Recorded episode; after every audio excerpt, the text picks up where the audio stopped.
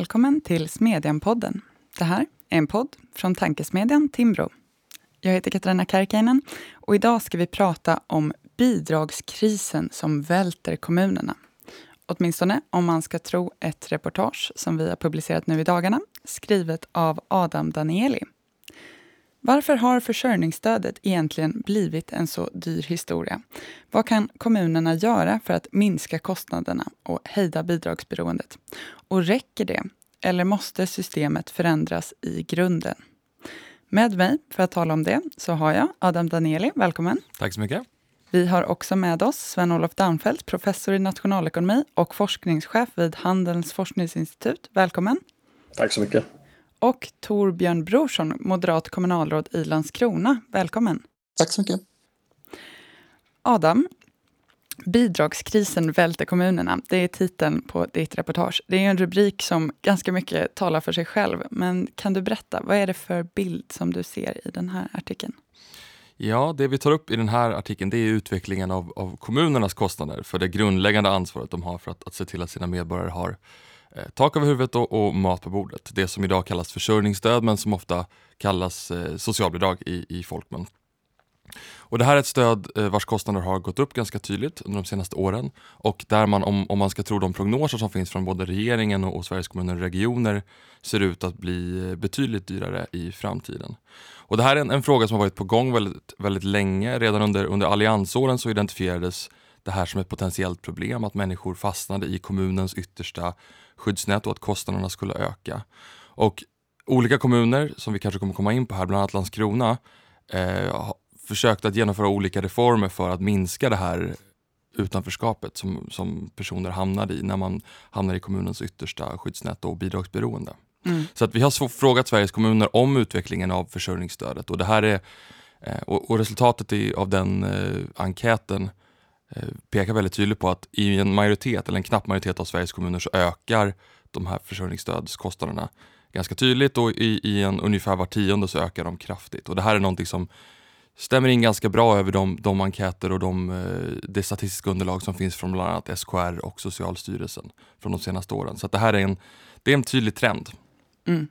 Om vi ska börja i lite rätt ände här. Vad är försörjningsstödet till, till att börja med? Du var inne på det lite grann, men det är som tänkt att vara som en sista utpost, ett, ett golv.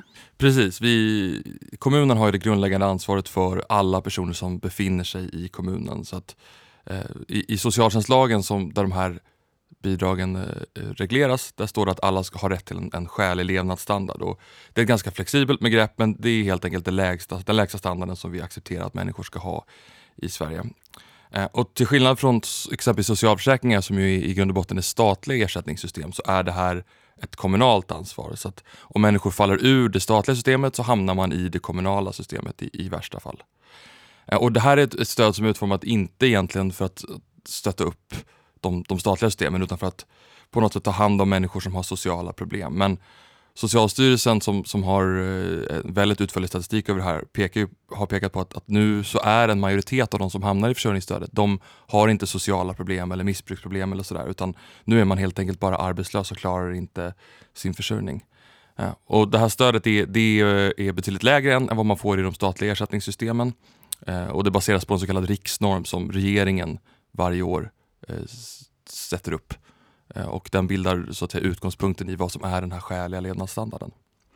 Och som du skriver, kostnaderna för det här stödet ökar. Du ser att regeringen i sin budgetprognos för 2020 gjorde bedömningen att det kommer öka med 25 procent under mm. mandatperioden. Mm.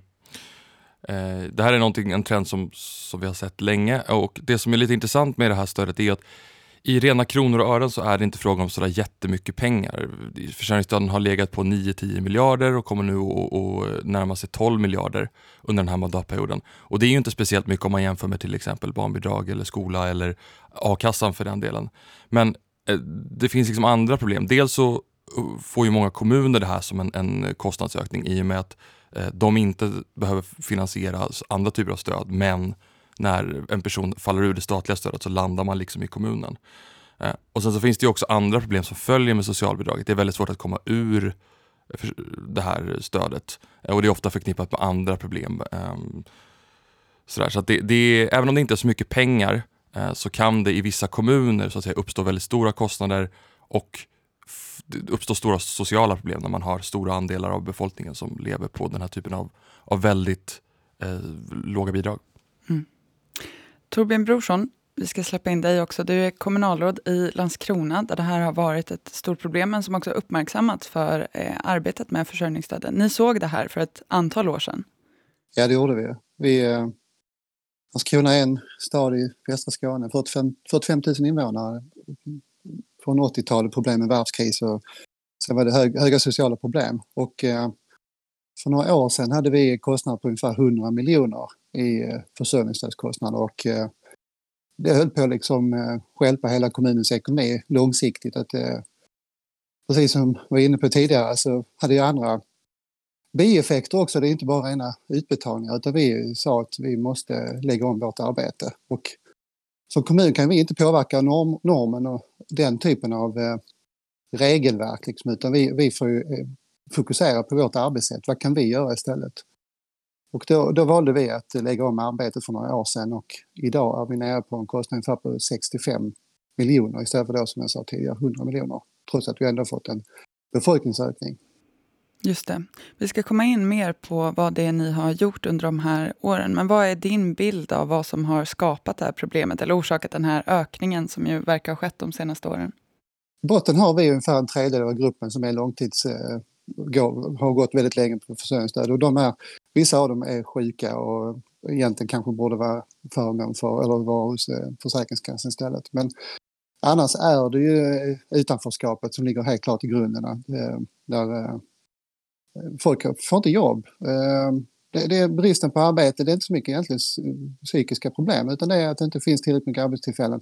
Vi har också en grupp utrikesfödda kvinnor till exempel som inte, ja, som inte kanske söker jobb i den omfattning de borde göra. Det är självklart ett krav annars drar man ju tillbaka försörjningsstödet får de inte det. Men det, den gruppen är väldigt svår att nå så att i botten är det ju ett utanförskap tycker jag som ligger bakom. Just det. Vad är din bild Adam efter att ha pratat med ändå flera kommuner om den här ökningen? Det är fler och fler som vill eller behöver ta del av det här stödet. Bland annat eh, som du skriver om nyanlända som kommer in i försörjningsstödet efter att etableringsperioden är slut. Mm. Det, kan ju bero, det kan vara väldigt lokala förutsättningar som avgör hur försörjningsstödet utvecklas, eh, som Torbjörn var, var inne på. Men om man ska tro SKR, alltså Sveriges kommuner och regioner, så är det två stora faktorer som ligger bakom. Och dels Eh, så är det systemet med eh, etableringsersättning där statens ersättning har varit tidsbegränsad för människor som kommer hit och är nyanlända. Eh, och där personer som sedan inte har kvalificerat för några andra system så att säga direkt slussas ut i kommunens försörjningsstöd. Och det andra problemet som de tar upp det är att, att försäkrings, eh, förlåt, Arbetsförmedlingen eh, har blivit mer frånvarande. Och debaclet med Arbetsförmedlingen har varit en ganska lång historia men, men eh, eh, den blir allt mer frånvarande och det blir allt svårare för eh, personer som står långt från arbetsmarknaden att få Arbetsförmedlingens hjälp att, att komma tillbaka eller komma in i andra typer av system. Och Det här har också gjort att, att många kommuner startar upp parallella arbetsförmedlingar just för att man vill undvika att människor hamnar i det yttersta skyddsnätet. Eh, och, och ja, att de här andra sociala problemen uppstår. Så att det, det, är, en, det är en komplex bild. Mm.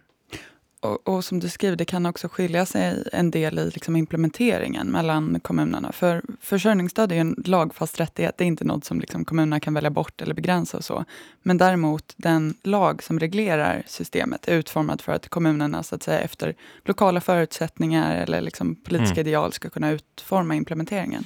Precis, det finns ju en, en dragkamp här. Å ena sidan så har vi ett kommunalt självstyre, det vill säga att det som, det som sker inom ramen för kommunen är kommunpolitikens ansvar i första hand. Å andra sidan så har man från lagstiftarens sida sagt att nej, men vi kan inte låta kommunerna sluta exempelvis betala den här typen av, av bidrag eftersom att då kommer människor då kommer kommunen så att säga försöka att bli av med personer genom att bara sluta betala eh, bidrag och hoppas att de flyttar till andra kommuner. Så att det finns en lagstadgad rätt och en lagstadgad eller en, en regeringsstadgad norm och sen så utifrån det så får man justera efter lokala förhållanden. Och en del kommuner har ju valt att betala ut mer försörjningsstöd. Eh, exempelvis så finns det ett par kommuner som betalar ut till, till personer som lever gömda eh, i Sverige som inte har eh, uppehållstillstånd här. Och det finns även ett par kommuner som finansierar Eh, ja, men extra tillägg för olika aktiviteter och, och eh, lokaltrafik och sådär. Men det vanliga är ju egentligen att man försöker göra som, som eh, man har gjort i Landskrona och som sen många andra kommuner har tagit efter, att man försöker att hitta på lokala varianter som begränsar kostnaderna för försörjningsstödet. Och då kan det vara krav på motprestation som det brukar kallas, alltså att man har olika typer av aktiveringskrav eller, eller så går man längre och har olika typer av hembesök. I vissa kommuner så så eh, har man även arbetat med eh, drog, eh, narkotikatest och sådär. Mm. För att just ställa krav på människor som hamnar i försörjningsstöd. Och det här är ju en avvägning. Ska man, det här är ett stöd som är svårt att dra in för människor för att menar, det är ju det yttersta skyddsnätet. Samtidigt så behöver ju många människor som kanske inte har de här psykosociala problemen behöver ju tydliga, tydlig hjälp att komma tillbaka till arbetet. Så det är liksom, det här försörjningsstödet som var tänkt för en sak ska nu serva två olika behov. Mm. Vi ska komma in lite på det arbete som du är inne på. Eh, bara eh, en sak till som jag vill klargöra. För förra året passerade antalet personer i Sverige som i någon grad är beroende av det här stödet 400 000 personer. Två tredjedelar är utrikes födda. Av de vuxna som mottar stödet eh, uppskattar Socialstyrelsen alltså att över hälften saknar andra skäl för att ta emot försörjningsstödet än att de saknar en egen inkomst. Mm. Det är alltså frågan om en ganska snabbt växande del av befolkningen som inte eh, klarar sin försörjning trots att de så att säga har förmåga att ja. arbeta. Ja. Sven-Olof, vi ska släppa in dig också. Du är nationalekonom och har ägnat dig åt åtminstone närliggande frågor om så att säga, arbete, arbetslöshet, utanförskap, integration. Känner du igen dig i den här så att säga, bilden eller problembeskrivningen? Absolut, jag tycker det, är jätte, det var ett jättebra reportage. Jag tycker det är viktigt att det här kommer upp så att säga. Men det, det är lite grann som man ser ett, ett, tåg åka i full fart mot en ravin och man har ingen möjlighet att, att stoppa det. det. Det här är... Ja, alltså jag tror att många har sett det här länge komma, men det görs ju ingenting. Det är ju det som är det stora problemet här. Vi, vi har idag ett sånt omfattande utanförskapsproblem på arbetsmarknaden där många, framförallt utrikesfödda, då, eh, inte kan få jobb till de rådande ingångslönerna och hamna i den här typen av eh, försörjningsstöd och eh, andra utanförskapsproblem. Och hur har vi hamnat där, som du ser det? Nej, men alltså, jag tror att man, man kan inte se förbi eh, flyktinginvandringen och den stora asylinvandringen under senare, senare år. Att, eh, att det är en väldigt stark koppling till det. Och eh, att många av de som har kommit ofta i mindre kommuner och de har inte de har, för, de har låga, en, en dålig utbildning, för låg utbildning, man är inte kvalificerad för eh, den svenska arbetsmarknaden. Och den svenska arbetsmarknaden är också så rigid så det är väldigt, väldigt svårt för dem att komma in på arbetsmarknaden även om, i det fall de vill komma in på arbetsmarknaden. Eh, så att vi, vi har ju tagit fram lite statistik på det här och det visar ju sig till exempel då att Ehm, efter nio år i Sverige så är det endast 23 procent av de utrikesfödda kvinnorna från Afrika och Asien som, som har en löneinkomst som motsvarar en ingångslön i Sverige. Um, Entreprenörskapsforum kom ju ut med en rapport som visar att ehm, um, 2016 var det bara 36 procent av de som kom från Mellanöstern och som bodde i utanförskapsområden som kunde räknas som självförsörjande. Mm. Eh, och det finns ju massvis som här, eh, alltså allting pekar bara i fel riktning och det blir bara värre och värre. Och den här pandemin gör inte det heller bättre. Jag tittade på arbetslöshetssiffrorna från SCB nu och då ser man att från eh, om man tittar på januari eh, i år och jämför med januari förra året så har ju arbetslösheten bland utrikesfödda då ökat med 4,2 procent, vilket kan jämföras med att arbetslösheten bland inrikesfödda har ökat med 1 procent. Och det här är ju ändå de då som något sätt ändå har klassificerats då som att de är i, i arbetskraften. Sen har vi ju ett sånt stort mörkertal som inte ens är med i arbetskraften.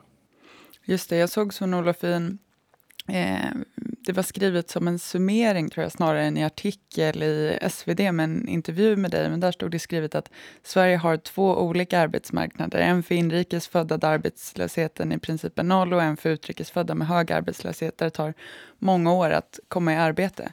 Till hur stor del, skulle, del skulle du säga att den här liksom växande del av befolkningen som inte är självförsörjande handlar om möjligheterna på arbetsmarknaden respektive det här som vi är inne på lite nu med liksom incitamenten för den enskilde? Nej, men jag tror att det är helt, alltså jag, det som jag kan bli lite frustrerad också från, eh, från högerpolitiker så att säga, det är ju att ofta att man man vill göra någonting åt de här bidragssystemen och det tycker jag är bra. Man vill öka incitamenten att arbeta och man vill ha mer kontroll och så vidare. Och det är jättebra, alltså. det, det, sånt ska man ju jobba med. Men det man inte får glömma bort är att eh, jämvikten på arbetsmarknaden styrs både av arbetsutbudet och arbetskraftsefterfrågan. Mm. Det spelar faktiskt ingen roll vad vi gör för den här gruppen och ökar deras incitament att ta ett arbete om det inte finns företagare som är villiga att ge dem ett arbete till rådande ingångslön. Och Det är det som är det stora problemet här, att ingångslönerna är så höga i Sverige att stora grupper av utrikesfödda har inte en chans att komma in på arbetsmarknaden idag. När de kommer in på arbetsmarknaden då är det ofta i sådana här olika eh, suspekta arbetsmarknadspolitiska åtgärder som på sikt aldrig leder till någon permanent sysselsättning på arbetsmarknaden. Så att det är ganska frustrerande att eh, det, ingenting görs åt det här, att man inte verkligen försöker att skapa någon ny anställningsform eller liknande med väsentligt lägre löner som gör att de här i alla fall kan etablera sig på arbetsmarknaden. För det är ju det är också, man får komma ihåg att det är ofta kanske personliga tragedier bakom många av de här. Att man, man kommer till Sverige och man får aldrig chansen så att säga komma in permanent på arbetsmarknaden. Och då är det det här också som ni nämnde tidigare att det finns ju ett problem att vi, vi vet från eh, den nationalekonomiska forskningen så pratar om någonting som heter hysteresis, det vill säga att om du är långvarigt arbetslös eller långvarigt utanför arbetsmarknaden, då är det väldigt stor risk att du permanent hamnar där för att arbetsgivarna ser inte, de vill inte anställa någon som har varit länge utanför arbetsmarknaden. Du tappar yrkesfärdigheter, du har mycket större sannolikhet att få olika typer av sociala problem och psykisk ohälsa och så vidare. Så att ja, utvecklingen är väldigt bekymmersam och jag tycker det är jättebra att man, man tar upp det här. Men, men man kan väl säga att det här är, är en sida av myntet. Det finns många sidor av myntet här. Um, och, mm. och, men, men eh, möjligheten att få ett arbete är, helt, är nyckeln så att säga, att få vända den här utvecklingen. Vi ska komma tillbaka till det och lite av de här strukturella förändringarna som man kanske eh, ser skulle behöva ske. Men, men som du säger, det finns åtminstone goda skäl till att eh, försöka få det på det viset att människor inte långvarigt hamnar eh, i det här utanförskapet eh, och, och, går på försörjningsstöd. Bara, vi ska komma tillbaka lite till det här arbetet i, i kommunerna och det, hur det skiljer sig åt. För Torbjörn, du berättar ju i den här artikeln som du var inne på tidigare också att eh, Landskrona, er kommun, var uppe på över 100 miljoner per år bara för det här försörjningsstödet. Eh, och ja. idag är ni nere på drygt 60. Vad är det ni har gjort? Jag tänkte på det Adam sa där med, med Arbetsförmedlingen. För de har ju då också flyttat från Landskrona och eh, vi, vi har ju valt att egentligen att fokusera på att ställa krav och på arbete. Eh, som vi sa här, vi kan inte påverka normer och sånt och vi ska inte ställa till med jävelskap för folk som behöver försörjningsstöd utan vi ska följa det regelverk som finns. Men vi har till exempel en, en arbetsmarknadsenhet där man jobbar mycket med coaching gentemot företagen så att man regelbundet träffar företag och så matchar man det mot eh, de personer som bland annat är försörjningsstöd och försöker hitta liksom samband där så att man kan få träffa och det har haft jättepositiv effekt. Eh, och sen har vi också att istället för att när man kommer och söker försörjningsstöd så tidigare så gick det kanske en eller två veckor innan man liksom kom igång i rullorna. Nu redan efter 40, 40, 48 timmar så träffar man en eh, en socionom men även en som är mer coach inriktad på utbildning och arbete. Och man ställer krav på att de här personerna får komma. Liksom, har du inte svenska eller samhällskunskap eller vad det nu är för någonting så får man gå kurser och utbildningar, man får regelbundet komma. Och det, det är att man ställer krav på att man har närvaro har gjort att kanske 15 procent har försvunnit ur systemet. Det är precis som att eh, behovet av försörjningsstöd var inte större än så. Och börjar vi då summera pengar så blir det ju ganska mycket för pengar från kommunen om personer som kanske inte riktigt behöver försörjningsstöd ändå söker så att säga. Så att eh, jag tycker det, vi har lyckats med ganska bra och varför vi inte heller har sett någon ökning under coronatiden det är tror jag för att vi jobbar egentligen aktivt med de arbetssökande eller försörjningsstödstagarna, inte bara betalar ut pengar utan vi, vi ställer lite krav utan att eh, göra det svårt för människor. Just det, det handlar primärt om det här kravet på motprestationer. Vad vet vi om ja. effekten av det? Du skriver om det här i artikeln också Adam. Ja, motprestation har ju blivit en sån där, eh, vad ska man säga, ett, ett sånt universal, en sån universallösning bland, bland svenska politiker. Framförallt från, från Moderaterna har man ju pekat väldigt tydligt på att man ska ha, ställa krav på motprestation. Redan under allianstiden och när, när arbetet i Landskrona drog igång där efter valet 2006 eh, så började olika kommuner ställa de här kraven och det finns egentligen, eller det fanns inte då i alla fall, ett, en möjlighet i socialtjänstlagen att ställa speciellt höga krav. Eh, men 2012 så genomförde man en reform där, där man tydliggjorde att jo, jo, men man kan ställa rimliga krav på den som är arbetsför även om man hamnar i samhällets yttersta skyddsnät. Så man gick lite grann ifrån den här idén om att alla ska ha det här stödet till att man faktiskt skulle kunna ställa vissa, vissa typer av krav. Och nu är det väldigt många kommuner som har gått längre. Det finns exempelvis inget stöd i, i lag för att man ska kunna genomföra hembesök. Det är lite någonting som kommuner har tagit egna initiativ till. Eh, och jag vet inte om, om hur Sven-Olof kanske har mer siffror på det här men det finns egentligen inte så mycket stöd för att eh, den här typen av motprestationskrav skulle, vara, eh, skulle ha sådär jättestor effekt. IFAU har genomfört vissa utvärderingar där man pekar på att att för vissa grupper så kommer man ganska långt med krav på motprestation. Men man kan ju egentligen fråga sig om, om det här med hembesök, hur mycket det handlar om att faktiskt eh, Eh, liksom symbolpolitik och hur mycket det handlar om att faktiskt skära i kostnader. Man kan ju tycka att det finns en, en moralisk rimlighet i att man eh, faktiskt eh, pekar på att, att samhället förväntar sig att, att arbetsföra personer försörjer sig själva. Men någon tydlig sådär kostnadsminskning tror jag kanske inte att man kan hitta med den typen av, av ännu mer långtgående motprestationskrav än vad vi, vad vi har idag. Och när vi frågade kommuner om hur de använder försörjningskrav eller hur de använder olika typer av, av krav eh, Eh, så hävdar de flesta kommunerna, uppemot 95 procent, att de ställer någon krav av motprestation. Och det här var något som var otroligt kontroversiellt när bland annat Landskrona eh, införde det här 2006-2007, att man skulle eh, att det skulle vara tydliga krav på den som mottar olika typer av stöd. Så det här är något som har fått väldigt stort genomslag men man kan ju fråga sig om det faktiskt är, är det en lösning på den här kostnadsutvecklingen. Jag är, jag är ganska skeptisk till det.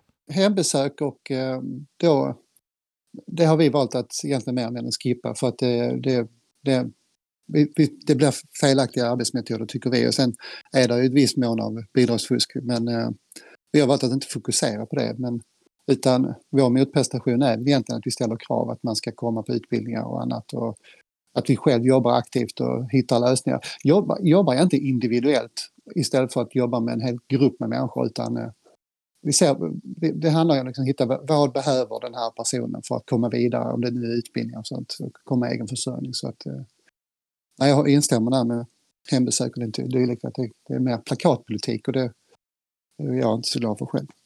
Jag tycker att vissa av de saker som du, du nämner nu om liksom utbildning och, och, krav på motprestation i form av liksom mm, att aktivera sig och så kan låta ganska givet ändå. Men det var det ju inte alls för några år sedan. Det var ganska många som upprördes och kritiserade den här tanken när kommuner som Landskrona började utforska de här möjligheterna. Hur löd kritiken? Eller vad var det som man inte liksom gillade då? Ja, men det var väl att man gjorde det rent sagt för jävligt för människor att man, eh, det var deras integritet och så vidare. Och eh, det är väl alltid svårt när man bryter en tradition och det har varit en kultur och att man gör på ett annat sätt. Men, eh, men idag är vi helt eniga. Det, det, det, vi är helt eniga i den nämnden, är ordförande i vår socialnämnd. Det, det är ingen, det sitter precis mer eller mindre alla partier med. Det är ingen mm. som motsätter sig vårt arbetssätt. Mm. Jag tänker att eh, Adam skriver i den här artikeln att eh, den stora friheten till självbestämmande har i dagens kommunsverige blivit emot prestationskrav, i vissa fall då hembesök, narkotikatest, i vissa fall obetalt arbete för kommunen. Finns det någon risk att man så att säga tar det här för långt, tycker ni? Eller är allt det här liksom rimligt att tänka sig? Eller till och med att man kan gå längre, givet att det faktiskt är som ett direkt stöd med skattemedel som det, det gäller? Jag tycker egentligen man skulle försökt gå lite längre. Det, det, det jag egentligen saknar det är ju mer samordning med myndigheter, att man gör mer granskning. Nu gör man ju vissa koll ändå, man kan kolla om man har dubbla ersättningar och sånt där. Men eh, eftersom det fortfarande finns ett uns av att man utnyttjar systemet, det märker vi Så det hade, varit, det hade varit skönt att komma åt den gruppen men i övrigt för de som verkligen behöver stödet och nivån på det har jag inga synpunkter på utan det, de ska ju ha det självklart. Det ska ju finnas som sista utväg. Mm. Adam, du var inne på att du, du, du låter lite lätt eh, skeptisk ändå till de här kommunala metoderna, åtminstone för liksom frågan om att få ner kostnaderna. Efter att ha ägnat lite tid åt den här frågan i och med det här reportaget, vad, vad, du ser, vad hade man behövt för liksom andra förändringar?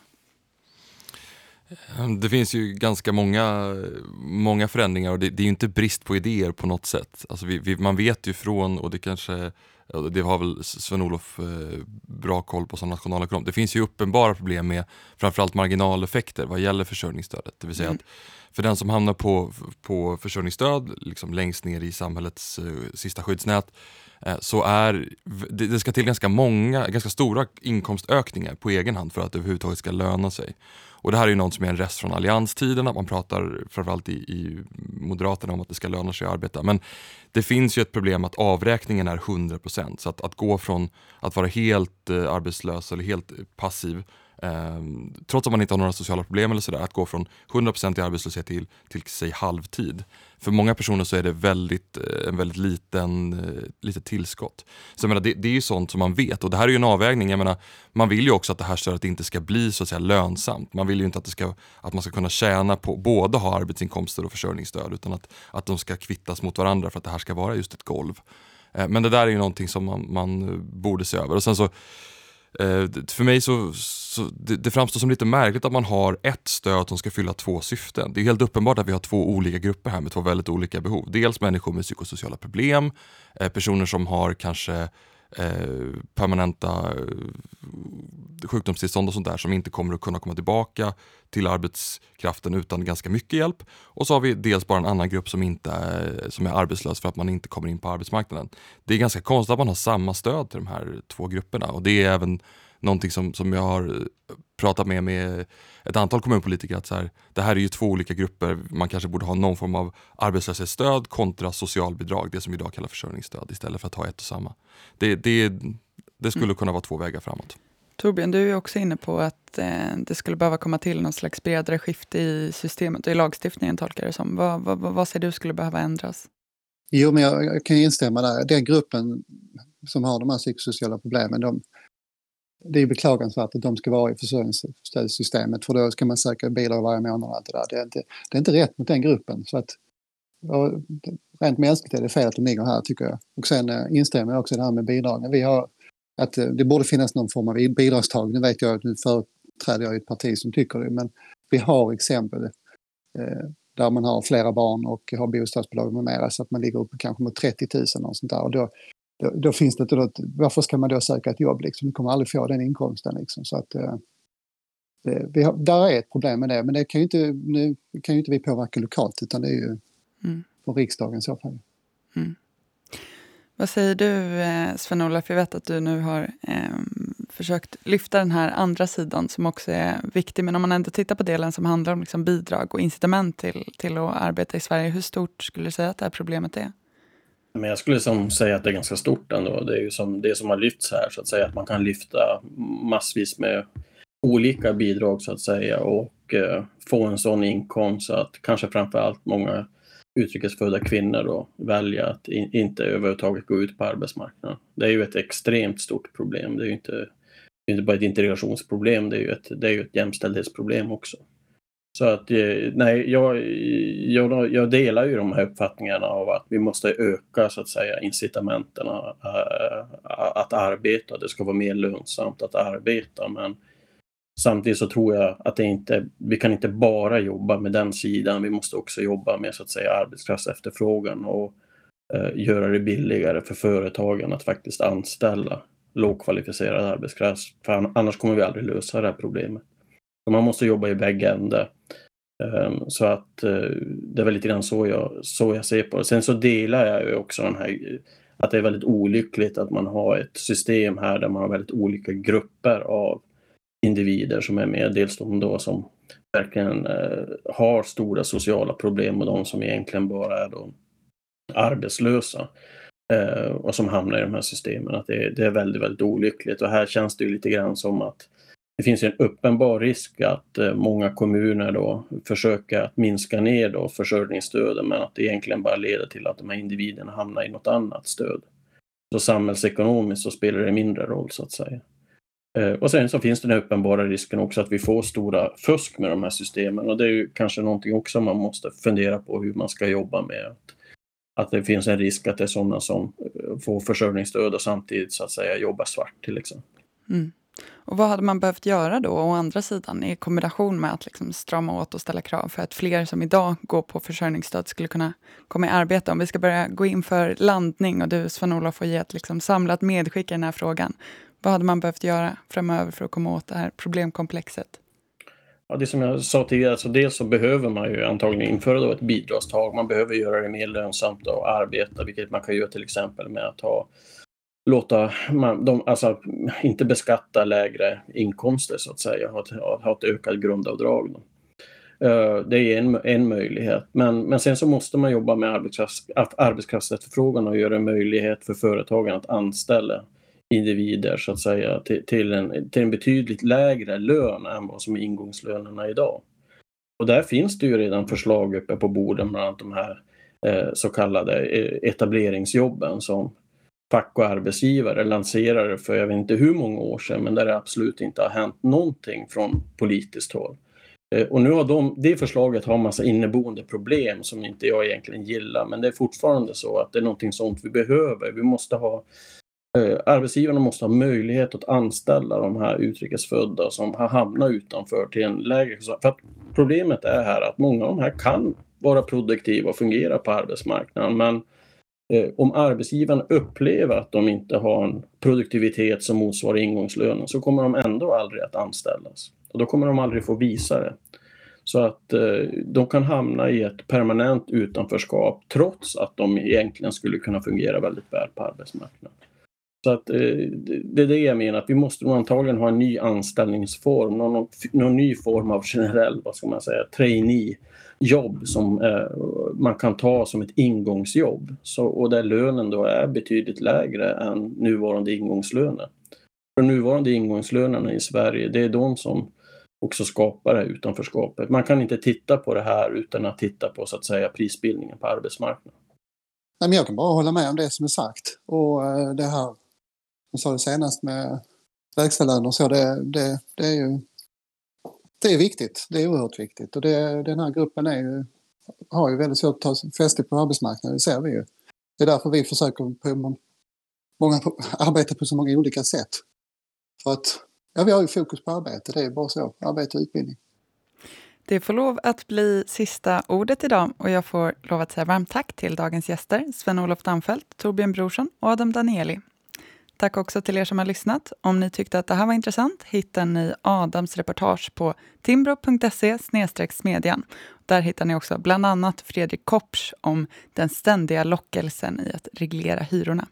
Vi ses där och hörs igen här om en vecka.